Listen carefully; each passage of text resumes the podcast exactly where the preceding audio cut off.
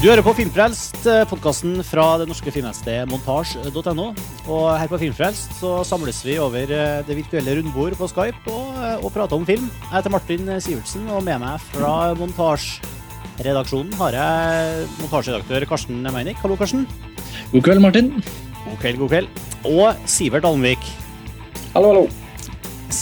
Vi skal prate litt egentlig om, eh, om film vi har sett i siste. vi, og i og med at både jeg og Sivert eh, vi har jo begge base i Trondheim, og der har det jo skjedd eh, store ting sånn filmmessig de siste, siste uka. Det har vært uh, Trondheim internasjonale filmfestival, Kosmorama.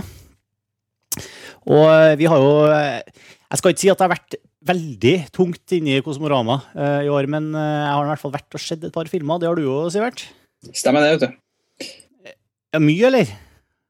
Nei, Jeg har forsøkt å få med meg en par om dagen, for jeg har jo en jobb på, dag, på, på dagtid òg, som må pleies. Dessverre.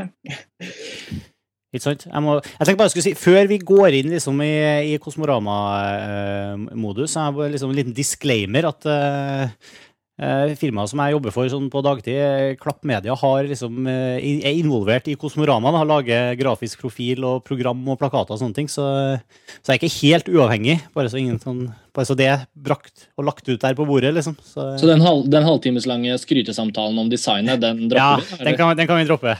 Ok, greit. Ja, ja, okay. du, du, du, du, var forberedt på det, Karsten? Ja, ja. Men dere har ikke laget noen av filmene som ble vist? Nei da, det har vi ikke. Men jeg, jeg syns bare jeg må si det likevel. så vi ikke kan ja, liksom... Nei, det er flott. Uh, men du har selvfølgelig ikke Har du vært på, på Kosmorama i det hele tatt noensinne, Karsten? Ja, faktisk. Jeg har vært på Kosmorama. Jeg har vært, uh, vært, uh, hatt gleden av det to ganger. Det var litt tidligere i festivalens leveår. Det var vel kanskje ikke første året, men andre året. Jeg var der oppe og fulgte et sånt seminar med James Shamus, faktisk. Han manusforfatteren og produsenten til Ang Lee. Og da, I den forbindelse så var jeg også med på kortfilmfestivalen Minimalen, som ble arrangert tett opp til festivalen. Og, det var vel i, i forrige fjor, eller noe sånt? Eh, ja, det var forrige fjor, tror jeg. ja. Mm. Mm. Så jeg har vært der to år. Eh, og det er artig. Han, eh, han, han Shamus, det er han i Focus Features. Nettopp, nettopp. Når han var på besøk i Trondheim, så var han jo på Dagsrevyen med, med faren min. Fordi var han det? Han hadde jo, han Shamus hadde jo nemlig vært sånn utvekslingsstudent da han var uh, ung si, og gikk uh, og hadde faren min som lærer på videregående. Er det sant? Du, så faren din var liksom en del av det? da? Ja, det var jo, de, festivalen gjorde et kjempenummer ut av det. At det hadde på en måte vært medvirkende for å få han til Trondheim overhodet. var jo At han hadde selv lyst til å besøke sine gamle venner og de han hadde bodd hos. og sånn. Ja, så det var liksom uh, mailkontakt og møte og alt mulig. så... Det er gøy. Nei, Kosmorama har jo måte, fått profilert seg veldig raskt til å være en såpass ung norsk filmfestival. Mm. Vi har jo Haugesund, og vi har jo Tromsø og Biff og uh, Oslo internasjonale. De har jo eksistert nå over en ganske lang tid, mens Kosmorama er jo den yngste. Mm. Så jeg har alltid vært liksom spent på å se hvordan den utvikler seg fra år til år. Jeg vet ikke, Var det mye folk på visningene og tett med besøk i år, eller hvordan, hvordan var stemningen? Sånn som jeg opplevde det, så, ha, så var det jo eh, mye mer besøk i fjor da, og, de, og de tidligere årene. da. Eh, det var jo en del skriverier om det i, i, i Adresseavisa for ikke så lenge siden, at besøket var litt lavt. Mm. Og Det vistes egentlig på eh, de store vrimleområdene som finnes da på Nova kino. Da. Ja, det var jo en del oppmerksomhet rundt de, et, par, et, par, filmer på Kosmoramer, og jeg var jo bare Altså, du hadde en, en helt vanlig dag på jobben, var jo åpningsfilmen. Mm. Og den fikk jo masse, masse oppmerksomhet. Var du på den visninga, Sivert? Nei, jeg rakk aldri å komme dit, dessverre. Jeg fikk ikke sett den heller, så. på, på, på visninga, men, eh, men eh, også Og så var det jo veldig mye oppmerksomhet rundt uh, uh, en ganske snill mann. Mm. Så, så, det var liksom de norske filmene som virkelig var Altså, som var uh, i, i fokus. Har du fått studert programmet du, Karsten? Eh, Kosmoran-programmet? Ja. Mm. ja, jeg fikk sett litt på det. det var, jeg syns det var mye film der jeg hadde lyst til å se. altså. Uh, så jeg, jeg syns det så bra ut, jeg. Det virker som om de har lyktes ganske godt med med en overgang eh, fra For de har hatt en sånn her kuratorordning i årene som har gått, hvor det har vært Mhm. tre eller fire personer som har valgt ut filmer. Eh, og jeg syns det har vært så veldig varierende. da, sånn at eh, De årene jeg var der, i hvert fall, synes jeg det var at eh, programmet spriket i veldig mange retninger. Eh, og det er jo vanskelig for en nystartet festival for å etablere en konkurranse. altså et, et program med konkurransefilmer som har skikkelig sånn særegenhet. Er, til og med I Tromsø så syns jeg det konkurranseprogrammet kanskje ikke alltid er det mest spennende å se. Eh, og i, på, på Kosmorama så føler jeg kanskje at de hadde et særlig uinteressant konkurranseprogram, mens at mye av det som skjedde ved siden av selve programmet, egentlig var, var det som var mest spennende. Da. Mm. Seminarer og, og, og utvisninger. Det var en visning av en stumfilm i, i Nidarosdomen. og Uh, ja, De har hatt mye sånne ting da, som gjorde En gruvefilm. De gruvefilm. Ja, i Var det i en- år? I en gruve. Ja, i år. Ja, ja, Mm. kult. Ja. Og så med, med, med kanonprisutdelingen. og De har, fått, de har på en måte skapt en sånn ramme som gjør at Kosmorama har vært interessant, men som liksom festival for å oppdage en ny film, Mm. så har den vel kanskje ikke helt funnet sin rolle. da. Men det, det er jo basert på at jeg kjenner festivalen fra tidligere, tidligere um, utgaver enn i år. For det, her, det, er jo en del bransjefokus. Den her Kanonprisen er jo en bransje, intern bransjepris, egentlig. Så den, Ja. Selvfølgelig skriver man om firmaer som vinner, men, eh, men altså, det er jo det er jo bransjen sjøl som, eh, som sitter i juryen. Det er sånn fagorganisasjonene i de forskjellige kategoriene. Ja, jeg er jo Som- inn jeg er medlem av Filmforbundet selv, så jeg har jo stemt. Du har vært med og stemt i Eh, Kanonprisen, ja? ja?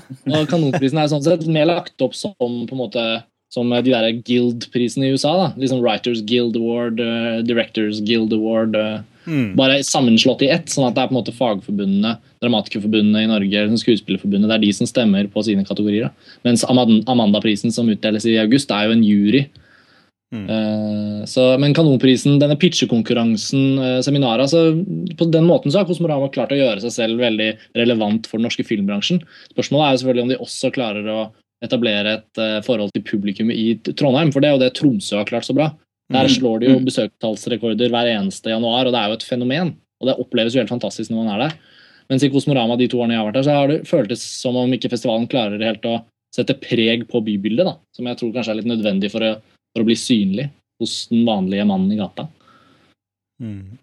Ja, du har jo helt rett der. Og det var jo sånn, De første årene så var det jo en del sånn bannere som sto opp, og det var jo en del utvisninger, noe som jeg mener var supert.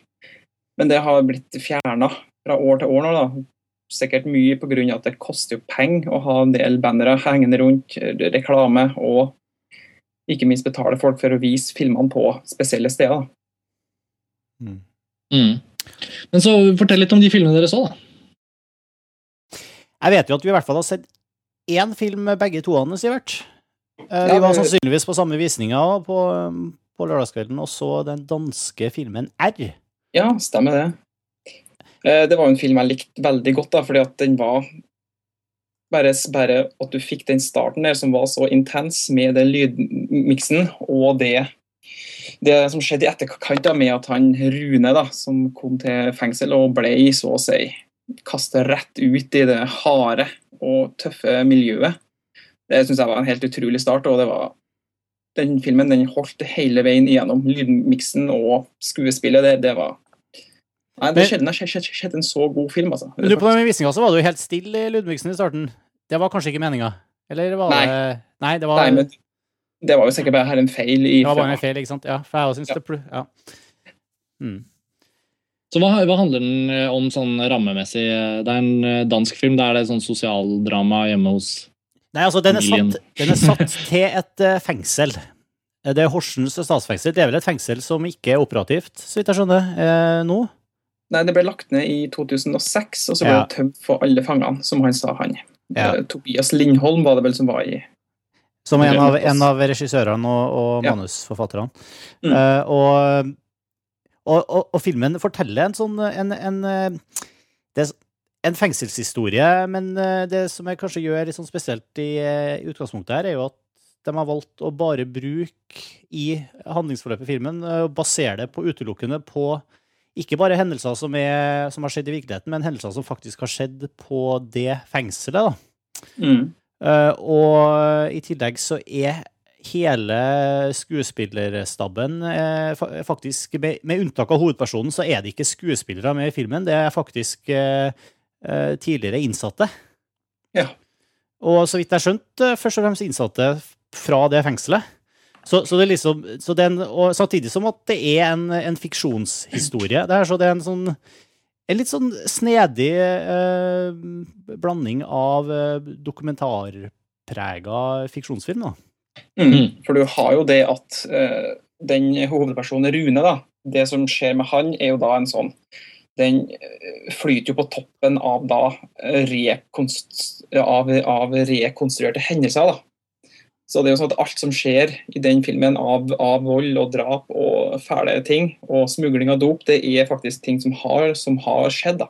Mm. For de hadde jo Ja, nei, så det, er- det, er- det, er- det er sånn at på en måte manuset er bygd opp på gjenfortellinger som de har fått fra castet sitt, eller hadde de skrevet en helt sånn plain fiksjonshistorie før de castet, og så gjort om Fikk dere vite noe mer om det? eller var det Nei, jeg tror- jeg, det? Så vidt jeg skjønner, så hadde han eh, regissøren og manusforfatteren her en, eh, en ganske nær forbindelse til en tidligere innsatt der. Og jeg tror veldig mye av, av det grunnleggende manusarbeidet var liksom utarbeida etter eh, som, som resultat av samtaler med, med han, da, som var en venn. mm. Eh, så vidt, ja. Og, og han er jo med i eh, filmen da, og spiller han mureren, som han heter. da. En sånn, Mm. eh, Hva skal vi kalle da? Han er vel eh, den store sjefens voldelige hånd da, som tar alt. Ja. Skittent, ja. Det er jo sånt eh. Det er jo en typisk sånn fengselsyrke. Det, det som, og, og som, den er veldig, eh, veldig brutal. Og veldig direkte og usminka og, og ganske guffen. Og, og veldig sånn eh, Veldig effektiv i å I å formidle en slags sånn, sånn intens, eh, ubehagelig stemning. Eh, sånn konstant paranoia og, og guffenhet og klaustrofobisk eh, sånn miljø, da, um, med, med veldig sånn billige virkemidler. Ja, for Den var jo òg ganske rimelig å lage. da, for Ja. er grunn, grunn til at de har en del eks eh, straffedømte med, det var jo fordi at de ikke hadde råd Mm. til å hente inn skue, skuespillere fra København eller andre steder, som han sa. da. Ja, Så, så det de gjorde, at de satte jo bare opp et telt og inviterte til ja, casting. Og Da viste det seg at godt over 90 av dem som, dem som dukka opp, var jo straffe, straffe, straffedømte fra Ikke. Horsens statsfengsel. Og det bygger jo opp veldig også under da, den eh, følelsen man får, for man, for man ser at dere er, er, er faktisk folk som Mm. ja, de har vært i fengsel. Da. Det er jo en følelse du får, og det er når han sier at de har vært i fengsel på ordentlig, så Mm. bygger jo opp hele, hele filmen på en veldig god måte. da. Men med, med det eh, så Med det sagt, altså Jeg syns det var uh, litt sånn uh, problematisk med, med filmen, i, i og med at den Til tross for at den var såpass realistisk og, og såpass uh, original i, i utspringet, så Mitt største problem med filmen Jeg, jeg syns egentlig den var ganske god, men eh, jeg syns den hadde litt sånn Jeg synes den tapte seg litt etter hvert, når den, når den utvikla seg egentlig til å i praksis bli en ganske sånn tradisjonell, nesten eh, sjangerklisjéaktig fengselsfilm. da. Jeg følte at den, den, den endte opp med å eh, Altså Jeg satt liksom og følte at, eh, at at de fikk lite ut av det storymessig. da. Og det kan du si at ja, ok, for at de bare baserte seg på reelle hendelser, sånn, men da jeg ser ikke helt poenget med å gjøre det når du lager en fiksjonsfilm som, som da ender opp med å inneholde de samme elementene som, som du forventer av en hvilken som helst sjanger eh, fengselsfilm, liksom. Så, så syns jeg at den, den tapte seg litt. Altså, den hadde meg veldig de første halvtimen, og så, eh, så, så gikk den mer over i, i en slags sånn hvilemodus for meg. Mm, ja. Eh, og det, det, det var kanskje den, den store demperen her hos meg. Også, samtidig som jeg synes at de gjør et sånn veldig sånn spesielt eh, litt sånn, sånn spesielt grep ute i filmen som, eh, som, som, er, som var litt småinteressant, men som jeg egentlig ikke syns funka så veldig godt. da. da jeg, jeg, tror, jeg tror ikke vi skal røpe nøyaktig hva det er, men uh, Jeg har jo veldig lyst til å se den filmen her, så jeg ja. uh, Nei, det er jo det at den laga i en sosialrealistisk ånd. da.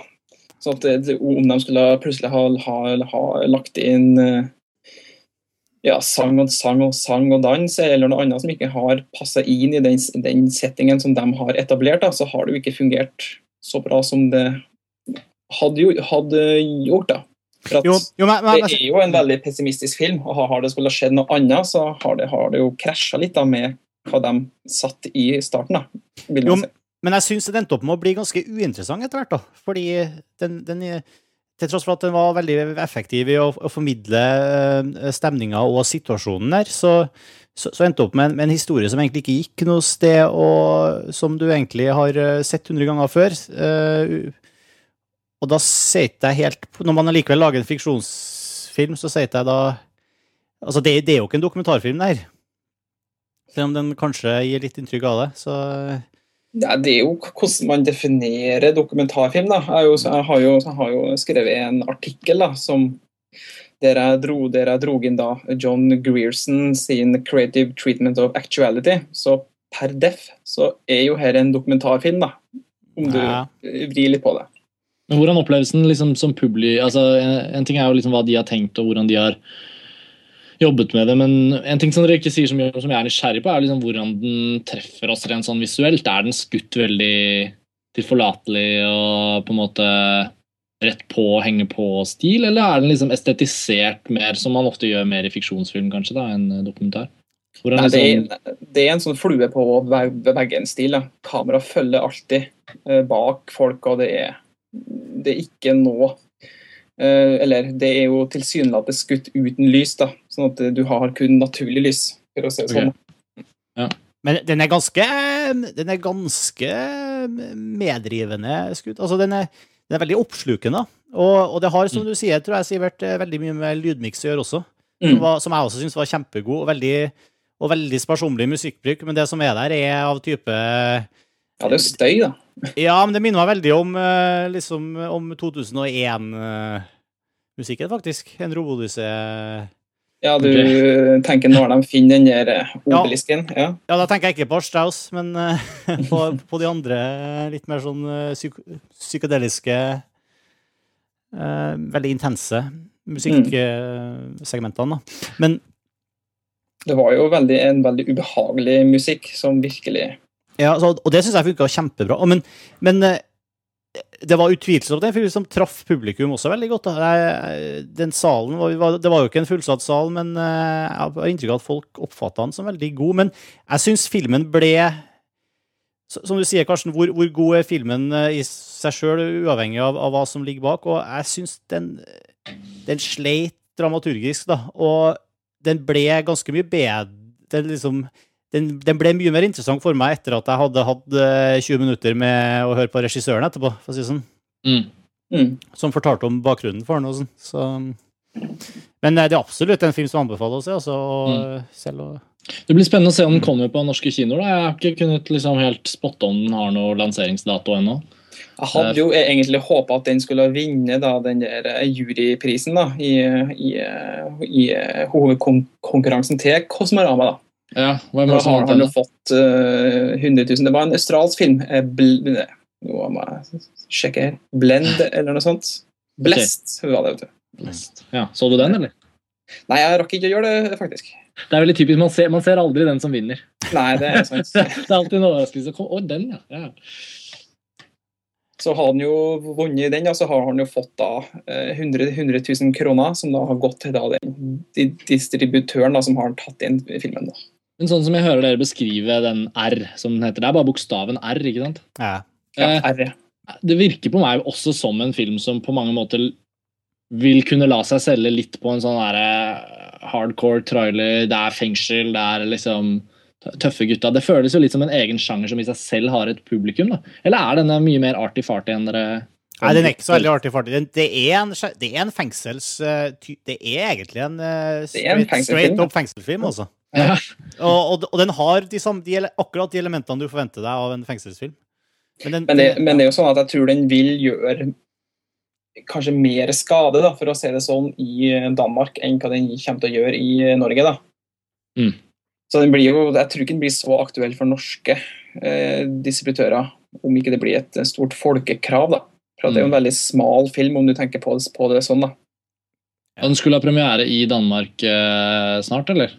Eh, Den har ikke hatt det. Eh, De visste ikke når den skulle komme. da. Nei. Eh, Men de forventa vel at den skulle ha kommet seg opp i løpet av Jeg husker ikke nøyaktig hva han, hva han sa, men ikke så lenge til.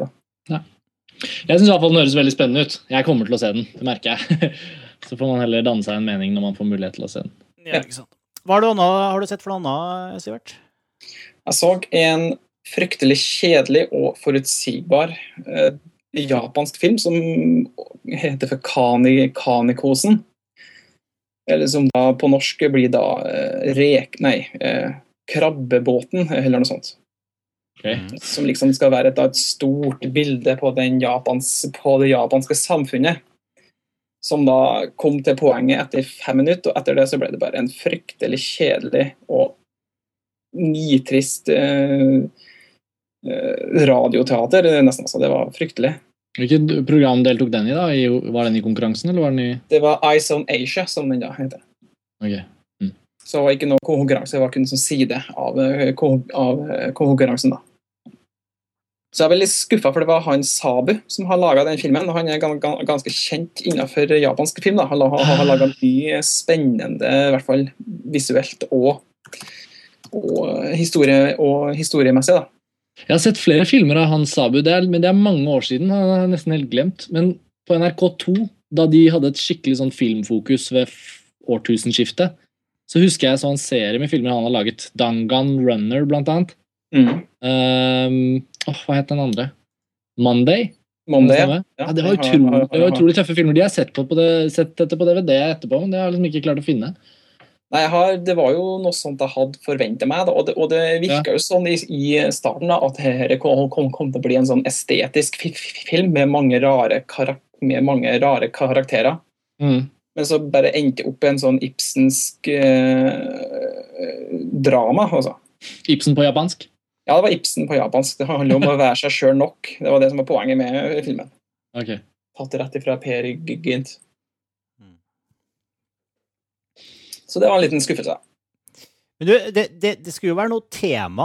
Eh, altså den Utvelgelsen av filmer i jo- var jo tematisk eh, delt opp.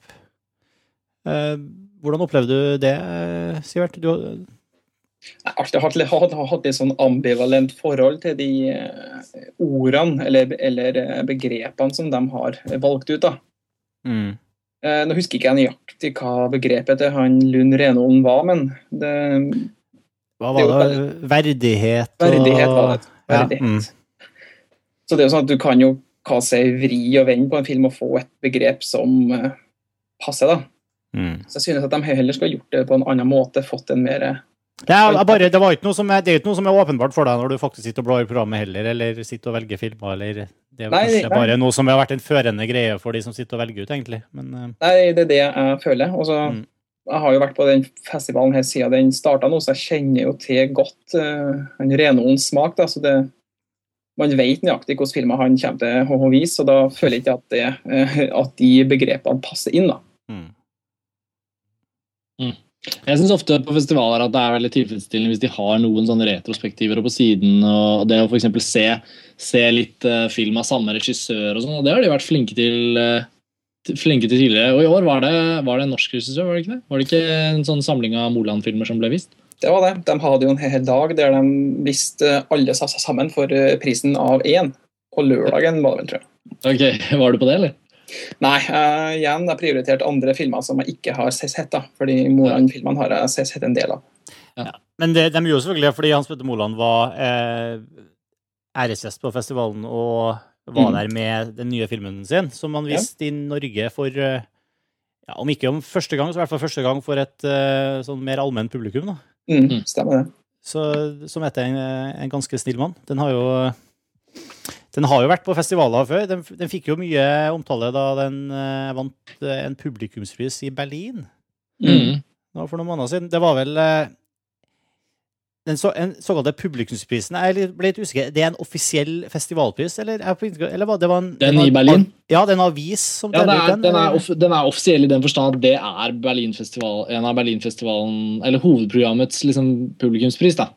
Eh, Det er jo mange programmer i Berlin, store, altså Panoramaprogrammet, Forumprogrammet, de er jo Mm. store hver for seg. og Barnefilmprogrammet, så de har masse forskjellige, forskjellige priser til hvert enkelt program. Men, jeg, men uh, min erfaring fra tidligere og sånt har jo vært at den, den publikumsprisen der med en folkejury, på en måte. og litt sånn, Den har jo vært den har jo vært veldig høythengende, faktisk, tidligere også. Selv om den ikke står liksom inn under Berlinalens eget liksom, type. Den er ikke side, sidestilt med bjørnene og sånn.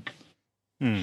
Det er jo kjempehonnør for, eh, for den filmen. 'En ganske snill mann', som den heter. Eh, Jeg har ikke fått sett den fordi den har premiere i om noen dager. Den har premiere nå på fredag. Mm. Det er jo gøy å høre da. Var dere begge på den visningen, eller var dere Jeg var på den uh, premierevisninga, ja. Og det var jo til fullsatt sal og mye Det var liksom Det var, det var jo rett før Kanonprisutdelinga òg, så det var jo mye, masse filmfolk eh, og, og skuespillere, regissører og alt mulig i salen, og stemninga var eh, skyhøy. og Visninga ble utsatt uh, pga. eh, Jeg tror av Jeg er litt usikker, muligens det var fordi at Moland sjøl var forsinka, eller noe sånt. Og da ble det delt ut pils til alle som hadde billett. og eh, Folk var liksom veldig Det var skikkelig god uh, kinoopplevelse. Eh, for det er jo en Det var jo en eh, Det er jo rett og slett en, en eh, komedie som eh, Som bare utløste latterbølge etter latterbølge i, i salen. Og eh, det var, det var egentlig Det var veldig sånn Det var en veldig positiv film, da.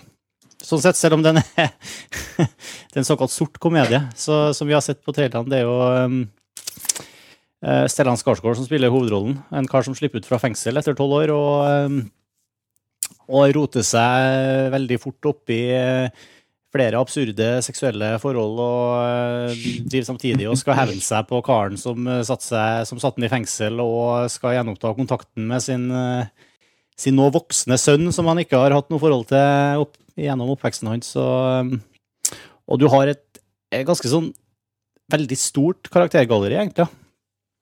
Og det, det hele tatt en ganske sånn sprikende film med egentlig litt for mange elementer til at det burde fungere. Det er liksom Storyen spriker i alle retninger. Den har masse scener som egentlig ikke hadde trengt å vært der, men som bare er sånne morsomme små sånn karakterøyeblikk som liksom lar Det var en helt sånn unødvendig sånn eh, våpenkjøpscene hvor med Aksel Hennie og som, som, som egentlig ikke hadde trengt å vært det i det hele tatt, altså. Men, men allikevel, så alt det her Alt sammen funker likevel, da. Som, som sier litt om hvor, eh, hvor dyktig håndverk det er i filmen, da. Fordi eh, jeg har vanskelig for å se for meg at filmen her ser bra ut på papiret. Men, eh, men eh, det er så mye sjarm her, og så mye komisk eh, timing og og så mye eh, Altså, Stellan Skarsgård er fantastisk, men mange av de andre eh, skuespillerprestasjonene her er også eh, veldig, veldig gode. Så, så det ble en Det, det har blitt en veldig vellykka film av det. Hvordan fungerte det at filmen foregår på så lite geografisk område? Det leste jeg at, de var, at det hadde vært en viktig beslutning for å få den laget på såpass lavt budsjett, tross alt, da, med det skuespillerensemblet og sånn, men den foregår på Alnabru, etter hva jeg har skjønt? Ja, den foregår på, den foregår på Alnabru og i, i noe lukka rom som jeg er usikker på om er studio, eller om det er noe faktiske kjellerlokaler og noen puber. Men eh, det oppleves ikke som noen begrensning, altså. Det, det, det virker ikke som en veldig begrensa film, sånn sett. Den, eh, den, den virker kanskje mer begrensa på, eh, på, på ambisjonsnivå, egentlig. For det, den er så den er veldig fokusert på å være en, en morsom komedie. Eh, litt sånn sær, litt sort, men likevel eh, en relativt sånn eh, konvensjonell feelgood-komedie som har en del sånn nødløsninger for å få det til å gå opp. Og, og som, altså er, det er kanskje den største, det største problemet jeg har med filmen, da, i den grad at jeg har problemer med den, det er at den er litt lett. På Mm. Den er, er litt overfladisk, rett og slett. da. Og det- det Men kan- hvordan, men hvordan passer den inn i de sa- sa- sammen med de andre filmene han har, har, har, laga? Oppleves det som en sånn som et brudd med Aberdeen og Beautiful Country og Jeg har ikke sett andre. Beautiful Country, og det er lenge siden jeg har sett Aberdeen, men eh, jeg, jeg, jeg føler på en måte at den, den Jeg syns også for at gymnaslærer Pedersen, som var forrige filmen hans, også ble litt sånn At den ble litt, kanskje litt ødelagt av den derre av, av, av litt tulling, da. Litt sånn useriøs eh, Altså, den, den var Jeg vet ikke, det var mye, det var mye som ikke funka helt eh, der, men eh, den var jo interessant på sin måte. Men at eh, for, oss, ikke, for å svare på spørsmålet, så er det kanskje litt sånn Det er litt skuffende kanskje at en, en regissør som er så etablert, og som har hatt så mye eh, gode filmer bak seg, og har liksom har kommet så langt at, at han har lagd, den har lagd en ganske sånn ufarlig film. da. Okay, ja. Eh, samtidig som at det, den er det, det, det er jo en publikumstreffer der. Den går rett hjem. altså Den, den slår veldig godt an hos, eh, hos seeren. og det var det vil overraske meg om den ikke gjør det ganske bra på kino. Men det vet man jo aldri i landet her. Men eh, altså, den er veldig publikumsvennlig. Ja. Det, jo, det høres jo ut som noe ganske bra på en måte i seg Ja. selv. Det, det, er også, det er jo også Det går langt mellom de gode norske komediene, syns jeg. Ja, og det her er en god norsk komedie, altså. Men, men den stikker kanskje ikke så veldig dypt. da. Og det Men Følte du at den la opp til at den burde ha stukket dypt? Eller syns du den presenterte seg sånn fra begynnelsen av og egentlig holdt tråden? Det har jeg vært veldig sånn usikker på. da. Jeg gleder meg veldig til å se den. Nei, jeg syns ikke den lover noe som den ikke holder, altså. Men bare Nei. liksom, i forhold til det Sivert sier, hvordan eh, liksom forholde seg som, som sett som del av en sånn filmo, filmografi da, fra, for Ja. en regissør, så så er det kanskje sånn eh, Ja. Så, så, så, er det ganske Det føles som en slags sånn lett pusterom det er det på én måte. For Det er jo litt sånn med Hans Petter Moland, det er jo hans sjette film nå. Ja. Og, og der er det jo Hvis man ser på den første han gjorde De tre første filmene hans ble jo laget under norsk film, som var jo den gamle statlige eieren av de norske filmmidlene. Så i den forstand så var han en av de regissørene som fikk ro og tid til å komme i gang med sin spillefilmproduksjon uten å måtte, på måte være usikker på om han fikk lage film neste gang. Fordi han Mm. fikk jo en sånn trefilmskontrakt eller en sånn intensjonsavtale om å, om å få lage tre filmer på norsk film. Og Den første var 'Sekondløytnanten' i 1993 Mm. og 'Kjærlighetens kjøtere' i 1995. Og så uh, Aberdeen, som kom i år 2000. Det er en av de siste filmene som ble laget på norsk film, tror jeg. Mm. Uh, og, og alle de tre er jo både veldig sånn veldig, På en måte alvorlige, da. Selv om det fins humoristiske øyeblikk, så er det jo liksom det drama her. Uh, og, og ganske episke på én måte. altså Sekondløytnanten som en krigsfilm. Mm. Eh, 'Kjærlighetens skjøtere som et sånt virkelig iskaldt eh, polardrama som foregår på en sånn nesten is rundt og i en fangsthytte på Grønland. Og så 'Aberdeen', som handler om en mer sånn sjelelig, dramatisk reise fra Norge til Skottland. Eh, så de har, jo, de har jo en veldig sånn egen alvorlig stil, kan man si. Men så, hvis man ser på gymnaslærer Pedersen og kortfilmen hans fra 'Folk flest bor i Kina', som handler om en gruppe med gamle menn som setter seg fast i myra Jeg vet ikke om dere har sett den? jeg. ja, det er lenge siden. og- jeg. Ja. ja, og så da En ganske snill mann, som er en mer sånn far out-komedie. Og innimellom alt så har han jo laget veldig mye reklamefilm, så han er jo en sånn regissør som kanskje, selv om han har laget såpass mye, ennå ikke helt har falt i en spesiell kategori, hvis man skal lete etter en rød tråd. Jeg vet ikke hva dere syns, men jeg syns jo både 'Kjærlighetens kjøter' og 'Aberdeen' er fryktelig medrivende, emosjonelle opplevelser, begge to, på hver sin måte. Eh, Ja, for det, Ja, og- er, det er på en måte ikke den filmen her, altså. Den, eh, Ja, jeg er helt enig. Jeg, jeg husker de filmene som veldig som sterke filmer. da. mm. På en, Ja, altså, eh, ikke minst Be Beautiful Country òg var jo i samme Ja, Selvfølgelig, den burde jeg også nevnt, nevnt. Det er kanskje den mest episke av alle han har gjort, da, som reiste helt fra Vietnam til USA. Ja, det er jo det. så, så sånn sett kan du si at det her viser jo eh, bare mer spenn i, i Hans Petter Moland. Ja, jeg syns det Ja. er en ting man kan se veldig positivt på også, da, fordi tross alt i et land hvor vi er, har en ganske fattig filmkultur, men som berikes forhåpentligvis år for år, så er det jo ingen tvil om at de- de regissørene som har vist et såpass spenn, da, både fra drama eh, innom på en måte litt mer sånn krigs, kanskje thriller, og til komedie, de er det jo ikke så mange av. Mm. så han, det er sånn evig sitat som alltid plukkes opp, som er, ligger på IMDb også, hvor eh, en britisk filmhistoriker som heter Peter Cowie har kalt eh, Hans Petter Moland for Norges Ridley Scott. Ja. Eh, jeg tror det sitatet falt etter 'Kjærlighetens kjøtere'. Og han hadde nok da bare sett 'Sekondløytnanten' og 'Kjærlighetens kjøtere'. Mm. Ja, I ettertid er kan man kanskje si at Ridley Scott er en litt sånn fjern sammenligning. Ja, nå føles det veldig fjernt, altså. Det, og det er jo sånn Eh, Det var det første jeg tenkte eh, når jeg leste i Kosmonauta-programmet at den sammenligninga ble gjort. Også, også, fordi de bruker jo den fortsatt. Det kommer jo stadig opp, ser jeg når man snakker om Hans Petter Det er liksom og- latskapen hos folk som skriver omtaler. De, de går til IMDb, og der ligger den lille biten av informasjon. Ja, ja, men jeg- Hver eneste gang, til og med nå. men, men, men det gjør det jo også greit å si, for det er jo en god unnskyldning til å si om den filmen, som jeg sikkert kommer til å gjøre i omtalen min som jeg skal skrive, at, eh, at uh, vi er, litt- det, er det er liksom, Skal man først trekke en sånn, eh, en sånn type sammenligning, liksom, så er det ikke Ridley Scott som er relevant her, det er mer Cohen-brødrene. Liksom. Mm. At- For det her det er føler jeg er, faktisk er Bente Hamer, da, som er vår uh, Cohen-brødrene, faktisk. Ja, jo, men jeg tenker den- i, i forhold til den filmen her, En ganske snill ja, mann, sånn, ja. er en slags uh, eh, Den har cohenske trekk, da. I- såpass, ja. ja. Den har liksom den, den type figurer og den type sånn mild absurditet i seg som, eh, som, som liksom kunne vært eh, en, en Cohen-film verdig, da. Mm. Det er jo et kjempekompliment på en måte, da, fordi ja, ja. Cohen-komediene er jo blant de komediene fra USA som jeg lettest har for å omfavne, fordi jeg syns ofte amerikansk humortradisjon, eller i hvert fall på spille, i spillefilmformat, blir ofte så flau da, og blir så lettbent, og den blir liksom så åh, herregud, skal vi bli solgt den dritten her enda en gang? Mens 18 og sånn, ja. Ja, altså liksom litt den der, men også litt de der voksne tullekomediene som, som eh, Ja, i hvert fall det er mye, mye ræl.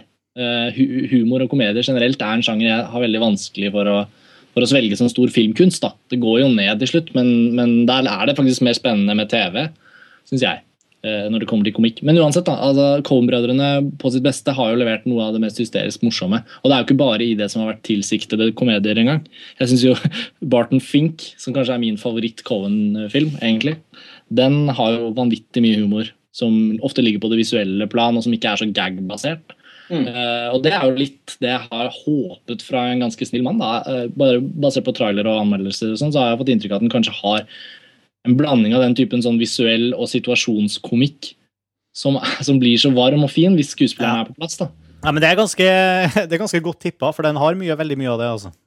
Eh, Litt sånn eh, ikke Ja, en del eh, Men, men også, er, så, også er veldig mye av komedien samtidig veldig sånn karakterbasert, da.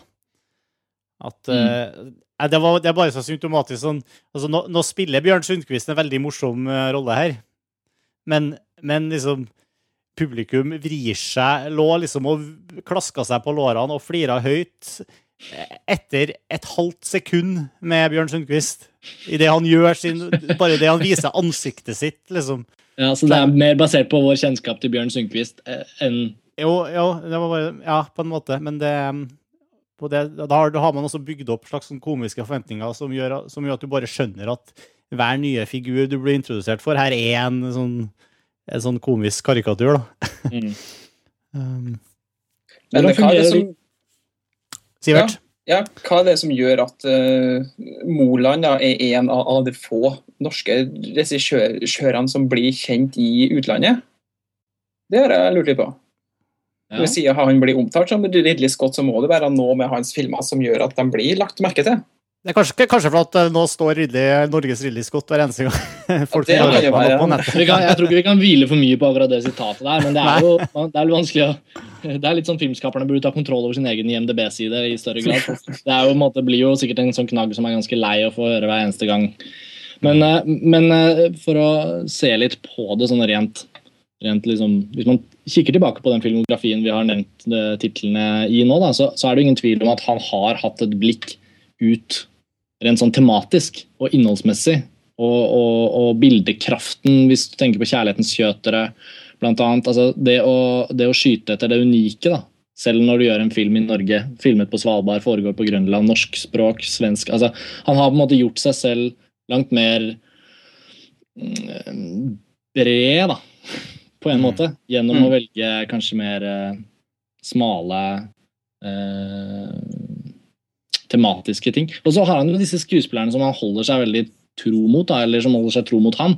Det at han har jobbet med Stellan Skarsgård nå i, den, i sin tredje, tredje film med Stellan Skarsgård i hovedrollen. De, Mm. utvikler, de utvikler også et vennskap og et, øh, og et um, filmfaglig måte, uttrykk egentlig da, seg imellom. Mm. Som jeg også. tror øh, har mye å si også for Det er jo en stemning som skal vare helt fra settet gjennom klippeprosessen til å få en film ferdig. altså Det å ha en sånn familiær trygghet rundt de du lager film med, har sikkert en stor verdi for han. Det er jo altfor mange norske filmskapere som nå, som nå tvinges fra pol til pol og liksom aldri får utviklet en, et kunstnerisk samarbeid. Da. Nå har Moland jobbet for forskjellige produsenter, men det at han har disse uh, gruppene av skuespillere som har uh, vært med i de fleste av filmene hans, det Ja, jeg tror du har godt poeng der, for jeg ser på, sånn som på en ganske snill mann her, så det, det det er åpenbart eh, noe som gjøres veldig riktig. Altså, han er veldig visuell, men også at han, han må ha veldig tek på regien her. For det er i utgangspunktet, i hvert fall i mine øyne, basert på ganske svake ideer. det, det filmet her, så, sånn at, og, Men det funker likevel, da. Så, jo, så, det, så det, kan jo være bare at minste felles multiplum her er Stellan Skarsgård, da, som gjør at vi får da, en stor eh, stor skare i Sverige som vil se filmen, og dermed vil den da spre seg. Det er lov å håpe. altså jeg synes jo det er En av de triste tingene når man snakker om norske filmer, er jo det at svenskene og danskene er så uinteressert. Ja. Altså nå, nå, når vi virkelig, nå leveres det jo to-tre, i hvert fall to-tre kvalitetsfilmer per år synes jeg, fra norsk filmbransje. La oss håpe det økes, men, men, dette kan jo være en av de kvalitetsfilmene fra 2010, i og med at den har vært i Berlin og konkurrert der. Og Den er jo basert på en dansk manusforfatters originalmanuskript. Dette er ikke en adaptasjon, og det er jo også befriende. Det er mye norske filmer som baseres på bøker. Og så har vi Stellan Skarsgård i hovedrollen, og norsk regissør foregår i Norge. Den har liksom bred appell. Da. Det er en komedie. Jeg håper virkelig mm. den treffer utover våre grenser. Den har jo allerede blitt solgt i over 20 land etter suksessen i Berlin. Så sånn sett så den jo, har den jo fått stempelet som en suksess lenge før den har hatt premiere. Mm. Så trikset for norske, norske, filmer det er å ta med inn eh, Sverige og Danmark. Så har du en internasjonal film. ja, men jeg tenker at Tenk så, tenk så vi mye bare, Vi mangler bare Hva heter han? Kaurismake nå, da. For å få med han, så blir det ordentlig. Her, her. ja. Multinordisk eh, flettverksfilm. Det har vært noe. Sånn Babel, hvor det, en historie foregår i hvert land. Og det, er jo, det, det her er jo også nok en god Bjørn Floberg-film. Ja, så bra. Som, som vi, vi, har jo... trukket fram og hylla i montasjen nylig. Ja, Til de av våre lyttere som ikke har eh, fulgt med for noen uker siden, så har vi da en kåring over Bjørn Flobergs fem beste roller eh, opp gjennom historien. Han er jo en av de mest brukte norske filmskuespillerne. Det, det, må også trekkes fram, eh, Når man snakker om skuespillere i En ganske Simon, så er det jo Jorunn Kjelsby som jeg tror mange vil i hvert fall sitte igjen med, med bilde av.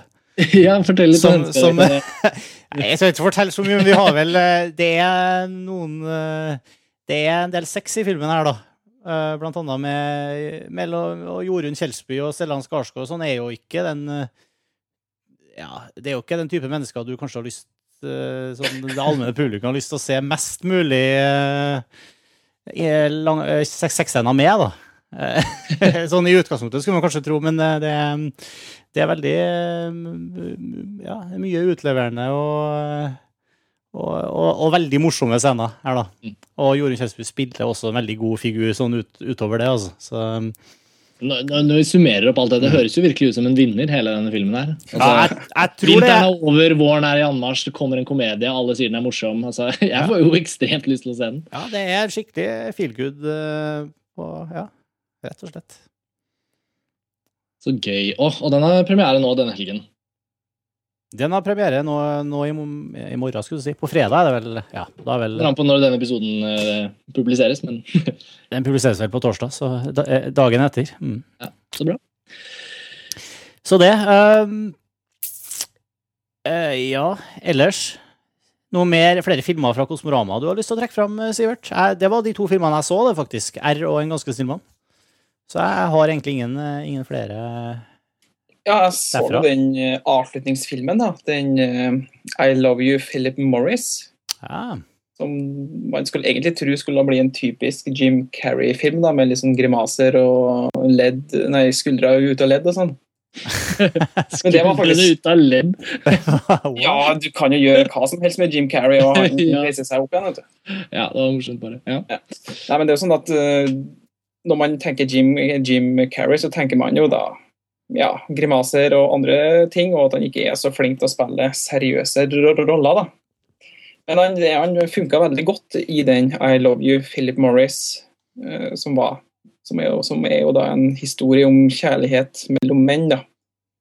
Mm. ekte kjærlighet mellom menn. Ikke sånn kompistur eller noe western, men det er- handler om Jim Carrey, da, som finner ut at han, blir, at han er homo, og da forelsker seg i en, eh, en pen, ung, blond mann i, i et fengsel i USA. Og så mye komplikasjoner. Det er mye absurde ting som, som skjer. Men det, det, det, de, de, de klarer å, å, å sy det sammen sånn at den både blir eh, litt sånn rørende og artig, og litt seriøs på en gang. da. Mm. Det er faktisk en film jeg kommer til å anbefale når den får premiere nå i april, tror jeg det. Jeg har ikke noe problem med å tro at Jim Carrey klarer å spille gode roller. Han har jo, jo spilt i mange gode filmer som ikke er komedier. Ja, Men han har jo det ansiktet som gjør at han automatisk blir lost til, til dum og dummere. Det er jo det alle sammen tenker når, når man sier Jim Carrey, så er det dum og dummere. Ja, eller Ace Ventura.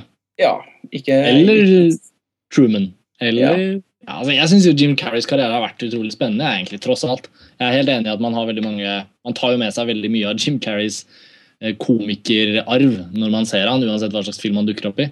Mm. Men han har jo skapt en fantastisk fin eh, ja, nok en gang filmografi, da, hvis man ser på det. Ja, men det, men, ja. men det er jo så, sånn, så, sånn at det var jo ikke mange som slo han, særlig når han forsøkte å bli eh, tatt mer seriøst. Så så man jo at pu- publikum kanskje ikke helt tok poenget. og da, etter det så så man jo at eh, publikumstallene svikta litt på hans filmer.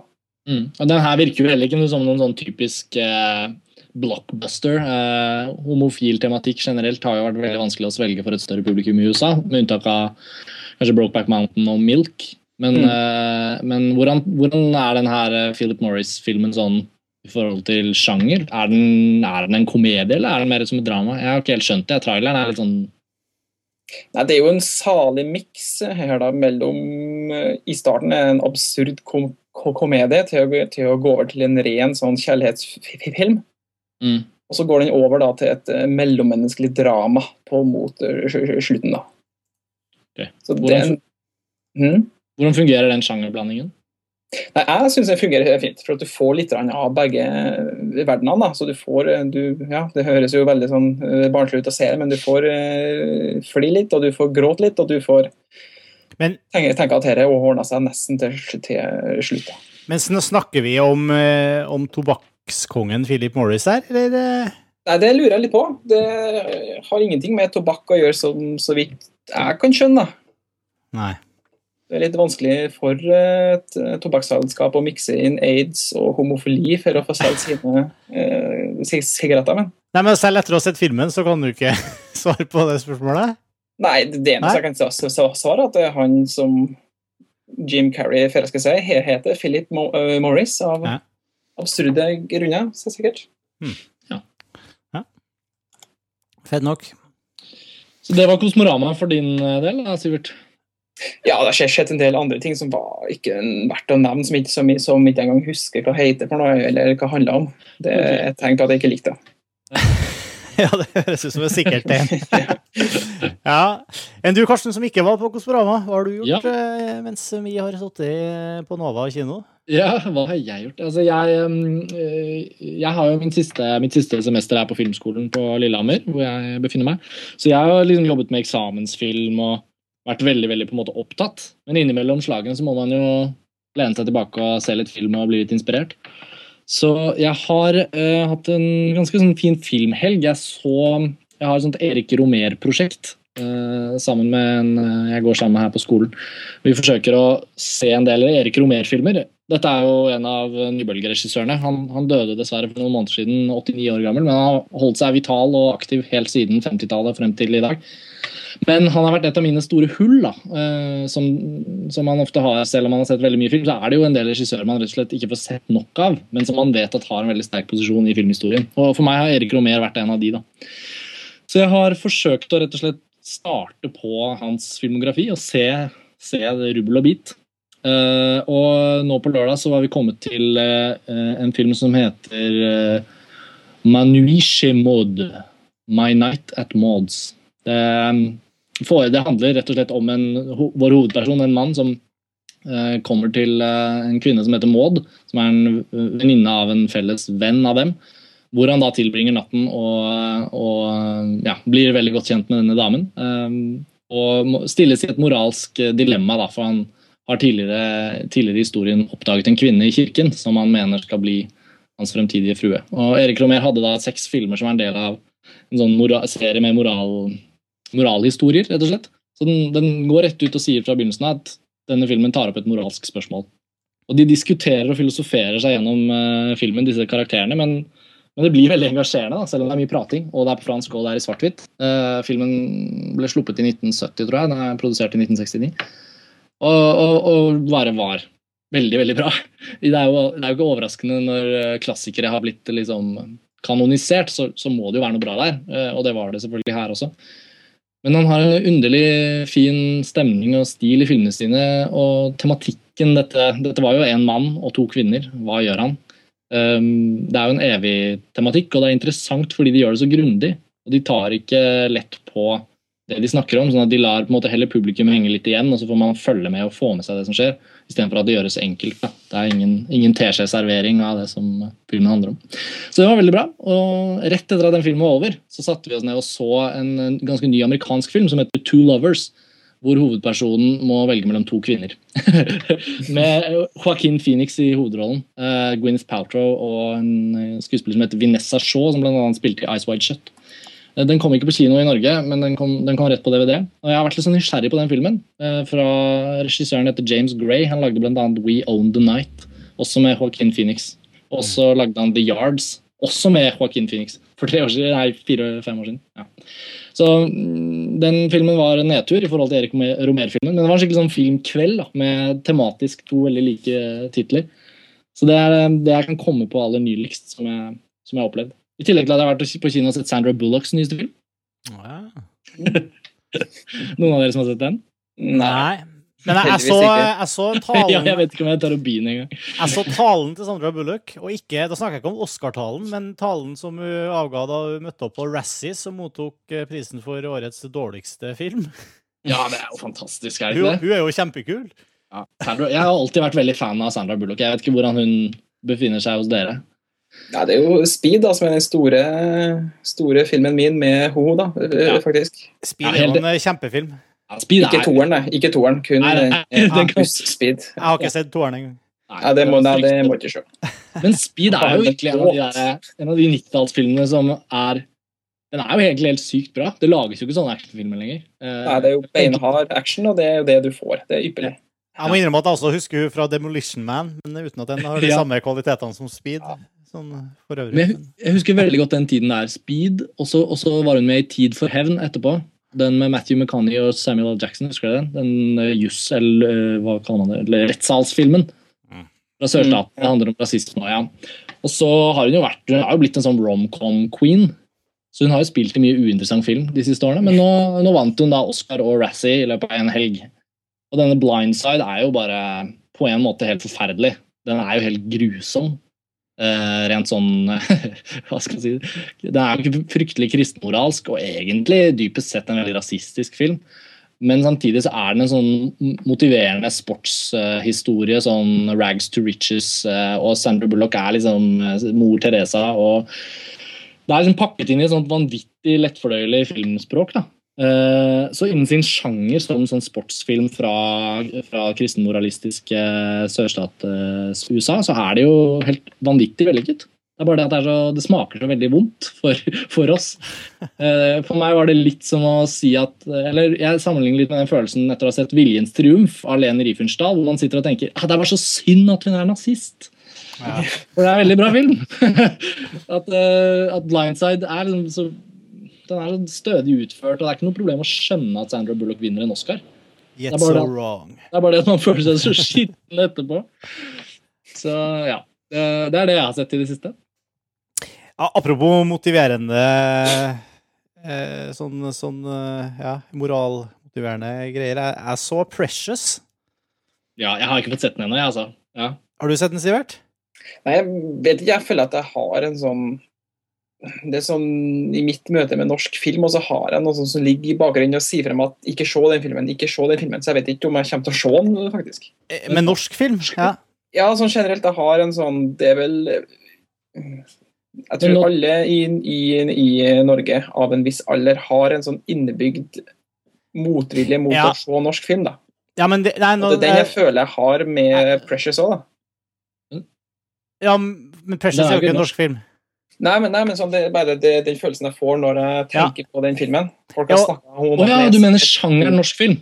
Ja, sjanger norsk film, ja. Ah, jeg skjønner. For Der kan jo flere filmer tilhøre. Du mener litt sånn klein, kjip, uh, flau følelse? Ja, men, men også, det her er jo en eh, Altså, jeg er jo, jeg er jo mye mer skeptisk. eh, Jeg har ikke tenkt så mye på det, men jeg ble jo jeg er jo veldig reservert på å se en film hvor det første eh, navnet og ordet som møter meg på skjermen, er 'presented by Oprah Winfrey'. Ok, ja, Der har du jo en ting jeg kan kanskje re Så- reagere på. Eh, men, Men- men, med det sagt, altså, så syns jeg 'Precious' var en, eh, en egentlig ganske utrolig interessant og artig film.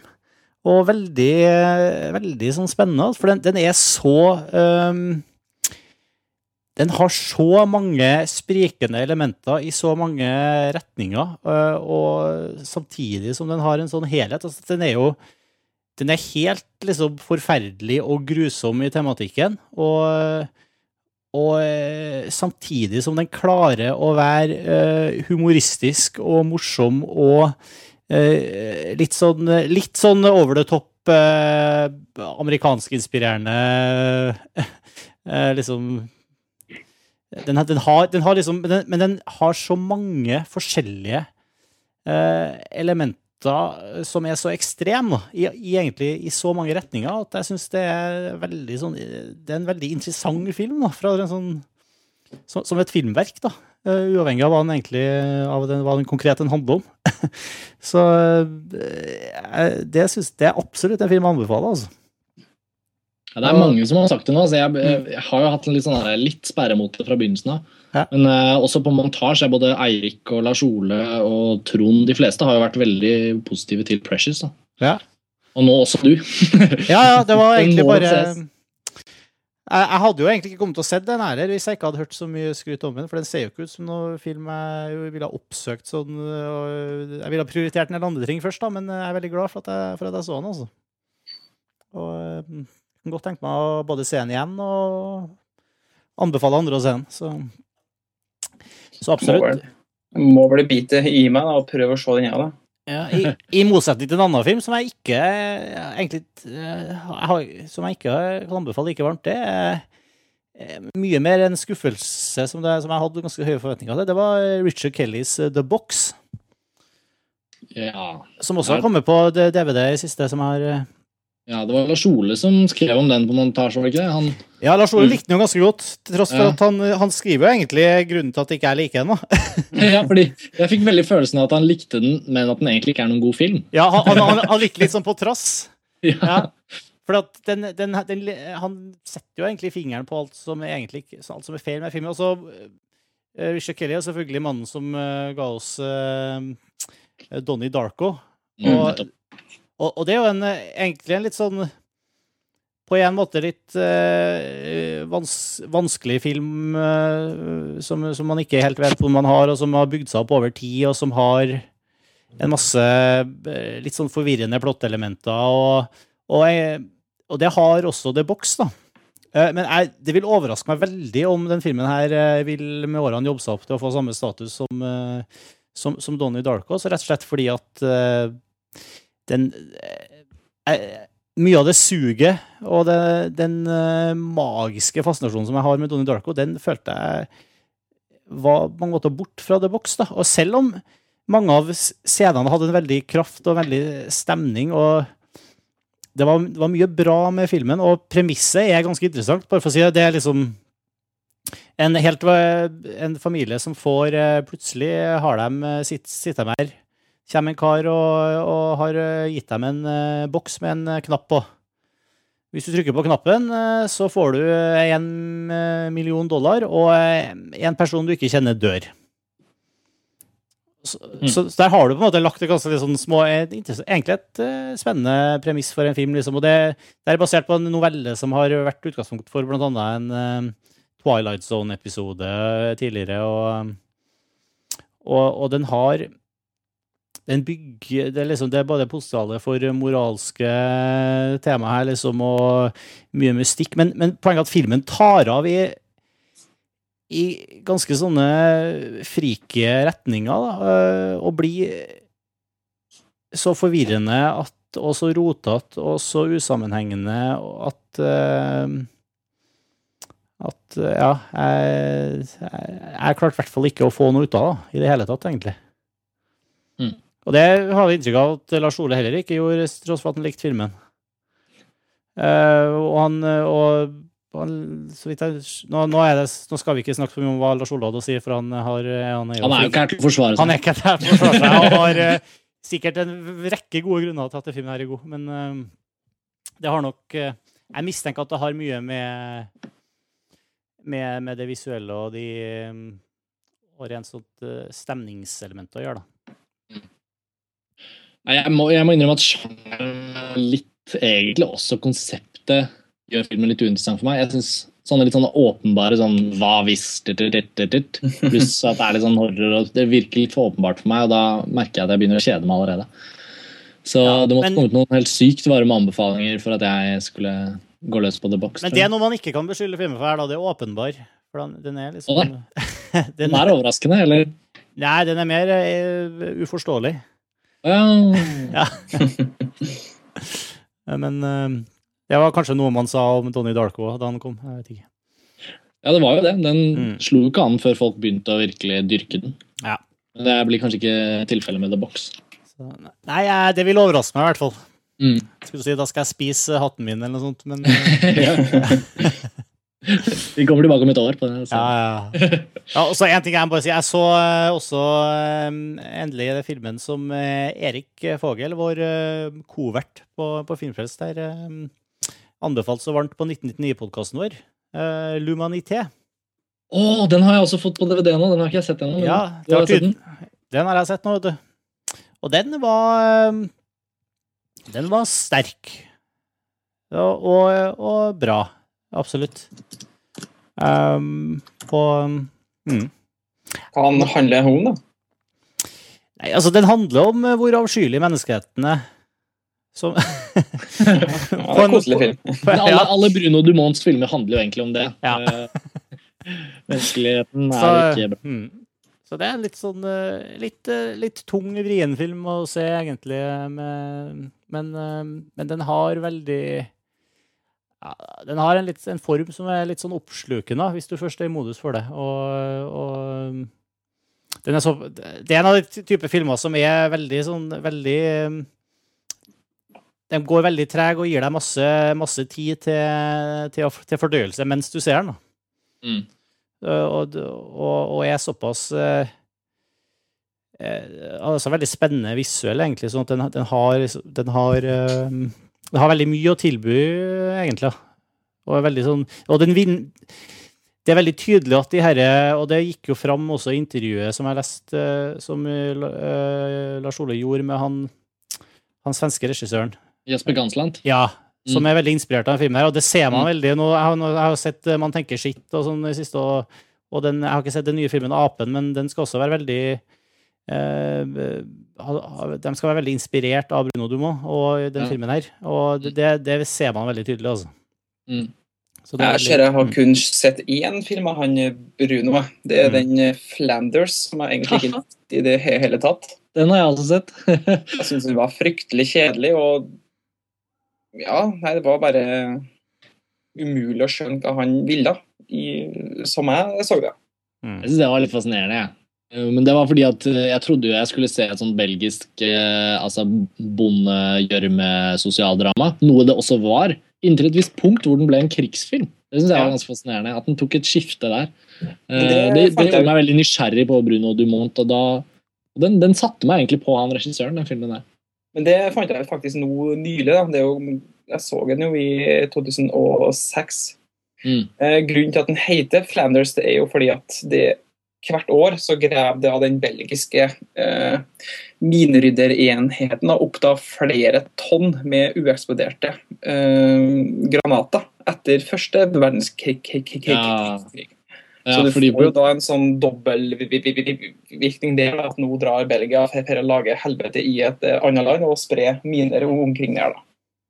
Ja. Nei, Jeg husker jeg likte den filmen godt. Jeg har vært veldig spent på L'Humanité. Uh, men jeg har liksom bestemt meg for at den må jeg på en måte se på et lerret. Selv om jeg har den på DVD, så har vi jo kino på skolen her, så jeg har liksom tenkt sånn Jeg må se den på stort fordi, fordi det er en sånn film. Stemmer det, eller Martin? Altså, jeg er veldig eh, vant til å komme meg lite på kino og se mye film hjem, så jeg, jeg føler at jeg ødelegger for meg sjøl hvis jeg driver og innbiller meg at jeg må se filmer på, på, på kino. Altså. Ja. Så jeg så den på DVD på en god TV og var godt fornøyd med det. Men, Ja. eh, ja. Men det er klart, det er en eh, Ja, det er en eh, ganske sånn eh, eh, visuelt mektig film på en måte, eh, men eh, det er liksom ikke Det er ikke sånn eh, på samme, at du må se den på DVD av samme grunner som at du må se Avatar på Nei, på kino på samme grunner som at du må se Avatar på kino, for å si sånn. Nei, jeg skjønner. Det, jeg tror du har full mulighet for å eh, sette pris på filmen her på, på DVD. Også. Apropos Avatar, jeg har hatt så utrolig lyst til å se den igjen uh, i det siste. Jeg så den tett på hverandre to ganger i 3D i romjulen. Eller før jul og i romjulen. Ja. Og I ettertid så har jeg på en måte ikke fått kommet meg på kino for å se den om igjen. Men uh, nå har det blitt så mye sånne skriverier, fordi nå er, liksom, nå er det blitt så etablert at Avatar er liksom gigantisk og fantastisk. Og, det, og nå er Oscar-utdelingen over, og den fikk kanskje ikke de prisene de hadde håpet på, men den fikk jo egentlig det den fortjente. Og så har det liksom begynt å bli diskutert litt mer som en sånn arv. da. Nå har den allerede gått inn i filmhistorien, så nå, liksom, nå kan vi se litt tilbake på Avatar igjen. Og, liksom. og det har blitt helt sånn Å, jeg må se den igjen. Ja, Jeg vet ikke om det er noen andre som føler det sånn. jeg ble veldig letta da jeg så den igjen. nå. For jeg så den eh, tre-fire uker etter at jeg så den første gang. Så, Mm. så liksom, og, og det er en film Det er egentlig en film som jeg ikke hadde noe særlig eh, som, som Jeg jeg hadde jo ja, Vi hadde jo forventninger siden det er James Cameron, og sånn, men liksom det så ikke ut som noe sånn kjempekongefilm før jeg så den. Og etter at jeg likte den utrolig godt Jeg syns jo det var fjorårets beste film på min del eh, da jeg satt her og så den. Og men jeg merker at jo mer jeg går og tenker over den filmen, jo mindre liker jeg den etter at jeg har sett den. Mm. Så Derfor så var det veldig kult å gå i kinosalen og se den igjen og bare Jo, herregud, det her er jo dritbra, liksom. Altså, jeg, jeg, jeg har vært, jeg har vært med deg, Sivert. Ja, det Nei, vet jeg føler at jeg heller har lyst til å se Ri- Ri- Ri- Ringenes herre 1 enn å se Avatar igjen. For at den Ja, nei, det var ikke noe spesielt med den, altså. Det var bare eh, feite effekter, men that's it. Ja. Det som en ringende Nei, det var som en litt bedre animasjon av, eh, av Løvenes konge, da, for å si det litt hardt. Men jeg er spent på å høre hva du tenker om 'Ringenes herre' etter å ha sett den om igjen. Nei, det gikk er liker sånn greit, da, men jeg er fortsatt uenig i at den burde komme på, på den topp top 100-lista vår. da. Ja, hva, hva sier du, Martin? Kanskje vi burde ha en ny episode om nulltallet? Ja, Vi fikk jo ikke diskutert det grundig nok, føler jeg. Nei. La, la oss hoppe inn i den igjen. Ta en 18, ta en 18 timer, den går, Ja, går, går aldri mer. Ja. Ja. Nei da. um... Det er deilig å snakke litt om filmer man har sett sånn litt, litt av hvert, altså. Ja, det er kjempeartig. Og det er jo flere av lytterne som har sagt at de savner det aspektet ved podkastene våre, etter at vi har liksom fokusert på så mye andre ting. Ja. At, at for, og det er en fin måte å få høre om, eh, og liksom at vi får gått gjennom både nye kinofilmer og nye DVD-utgivelser og litt forskjellig. Mm. Men eh, vi har jo Vi begynner å gå mot slutten av episoden her, eh, merker jeg.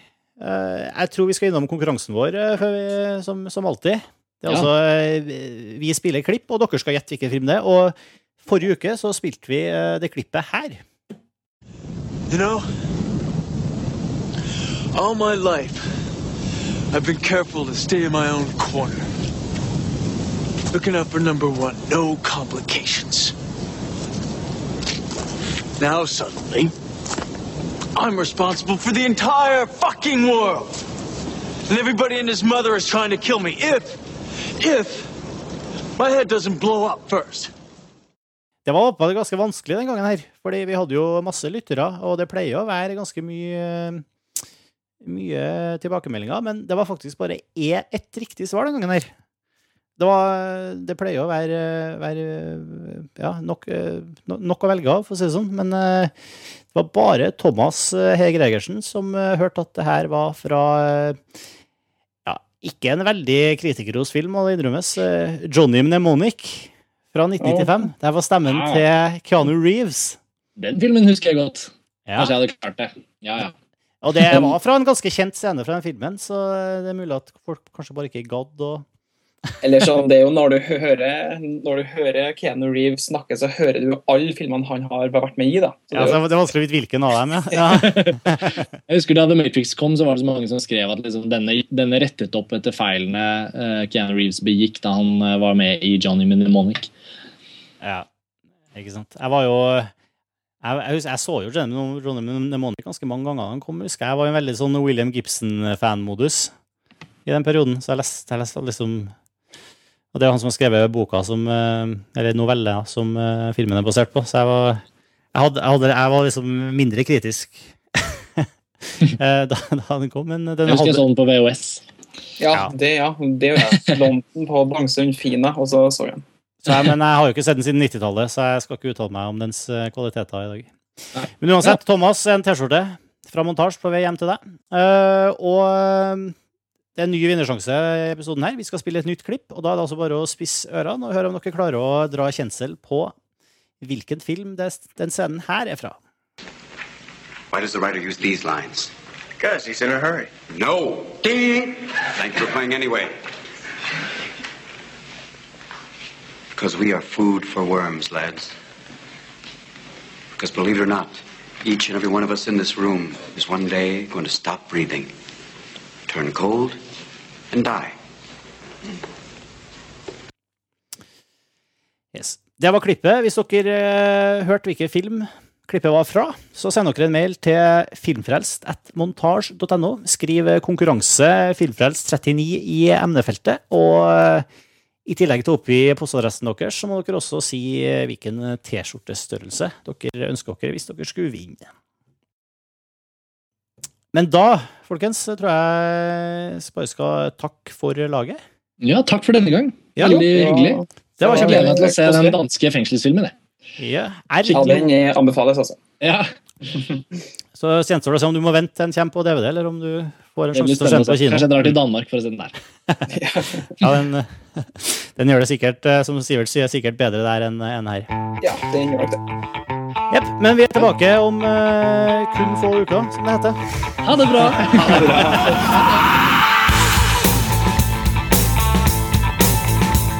Filmfrelst er en podkast fra det norske filmnettstedet montasj.no. Du kan abonnere på Filmfrelst i iTunes, og du kan lese mer og delta i diskusjonene om hver enkelt episode på montasj.no slash filmfrelst.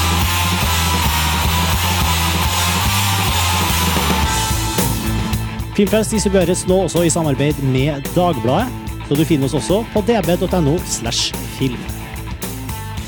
Og musikken du hører nå, er fra det norske bandet Ping. Hør mer på thepinkpage.com.